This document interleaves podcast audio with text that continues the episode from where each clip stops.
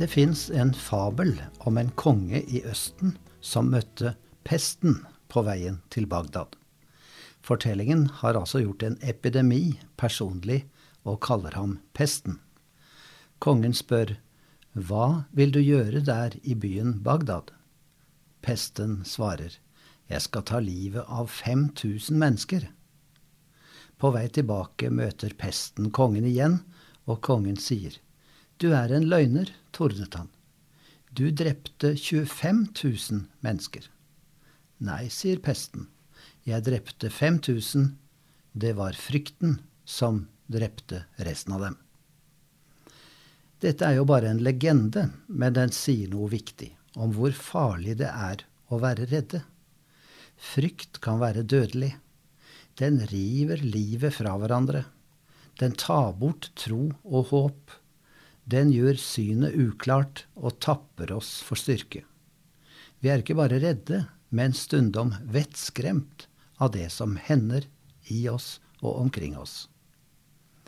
Den freden som Jesus gir oss, er som et anker i stormfulle tider. Se for deg Jesus med disiplene rundt seg. De er forvirret, i villrede, skremt, utilpass og redde. Da kunne han si til dem, Fred etterlater jeg dere. La ikke hjertet bli grepet av angst og motløshet. Jesus hadde tidligere brukt et bilde som kan gi fred i hjertet og hjelpe oss mot frykten. Han viste til noe vi kjenner fra naturen, da han sa Selges ikke fem spurver for et par skilling, og ikke én av dem er glemt hos Gud men til og med hvert hårstrå dere har på hodet, er talt. Vær ikke redde, dere er mer verdt enn mange spurver. Spurver faller til jorden. Det skjer hele tiden. Rovfugler er ute etter dem. Plutselig uvær kan ta fra dem levemulighetene. Den himmelske Fars kjærlighet beskytter dem ikke fra tragediene i livet ikke fordi de har vært gode eller dårlige spurver. De faller fordi de hører med i et univers styrt av lover der ulykkelige hendelser skjer. Men den gode nyheten er at spurven faller aldri uten at Guds årvåkne øye har sett det. Et Guds barn kan lære av dette. Jesus har fortalt at Gud er en far som har et øye for enhver byrde, enhver seier og enhver tragedie. Derfor har den som tror på ordene fra Jesus, et løfte om at den er ikke alene. Gud bryr seg enormt mye mer om oss enn om spurvene. Paulus forteller i et brev om alt han måtte gjennomgå av motgang og trengsler.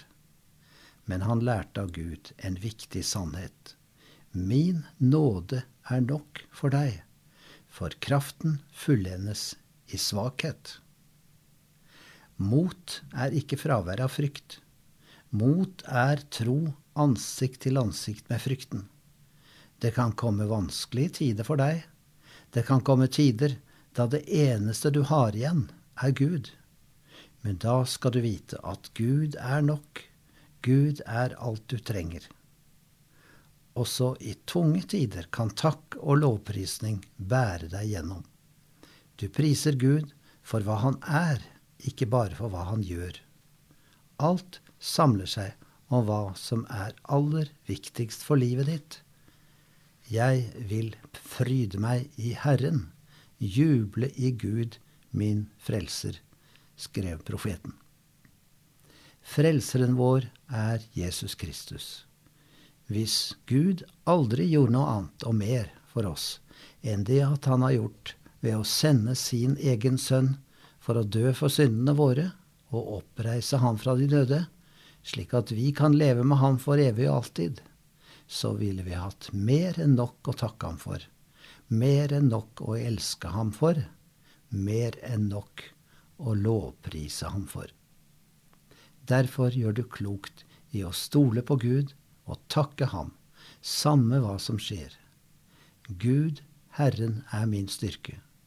Han gir meg føtter som en hind, og lar meg ferdes på høydene, skrev profeten Habakuk. En hind er et hunndyr av en hjort. I fjellene i mange land kan du se reinsdyr, forskjellige hjortedyr og geiter. De vet at jo høyere opp de beveger seg, jo tryggere er de. Jo høyere du kommer, desto lettere ser du alt omkring deg. Når vi har det vanskelig, gir Herren oss føtter som en hind. Da kan vi ferdes på høydene. Akkurat det gjør troen i tøffe tider. Frykten ser alle vanskelighetene. Frykten ser alle problemene og alle skuffelsene. Men troen ser også den sterke hånden vi har i Guds løfter, Guds omsorg og Guds plan. Når tøffe tider kommer i livet ditt, vil de enten føre deg lavere ned eller høyere opp. Gud vil gjerne gi deg føtter som en hind og la deg ferdes på høydene. Da kan du lettere se opp til ham. En forfatter som heter Thornton Wilder, har skrevet en fortelling om en landsby som ble rammet av pest. En prest som heter bror Juniper, prøvde å forstå meningen med denne tragedien. Visst overhodet fins en mening. Han lager et skjema der han setter opp egenskaper ved 15 ofre og 15 overlevende. Han gir hver av dem poeng ut fra kvaliteter som godhet, fromhet og nytte for andre. Når han summerer opp poengene for de som er døde, og sammenligner med dem som overlevde, viser tallene at de som døde på en så tragisk måte, hadde fem ganger så høy verdi og hadde fem ganger så stor grunn til å bli reddet i forhold til dem som overlevde pesten. Dermed blir bror Juniper helt forvirret. Ja, det blir vi også. Har Gud så god råd at han kan ta hjem til seg de beste? Svaret får vi ikke, men vi må lære noe viktig. Guds nåde beskytter oss ikke fra problemene i livet. Hvorfor må de rettferdige lide? Det er et spørsmål som har vært stilt gjennom årtusener. Her er ikke et svar, men noen sannheter ut fra Bibelen. Jesus sa det slik i bergprekenen. Slik kan dere være barn av deres far i himmelen.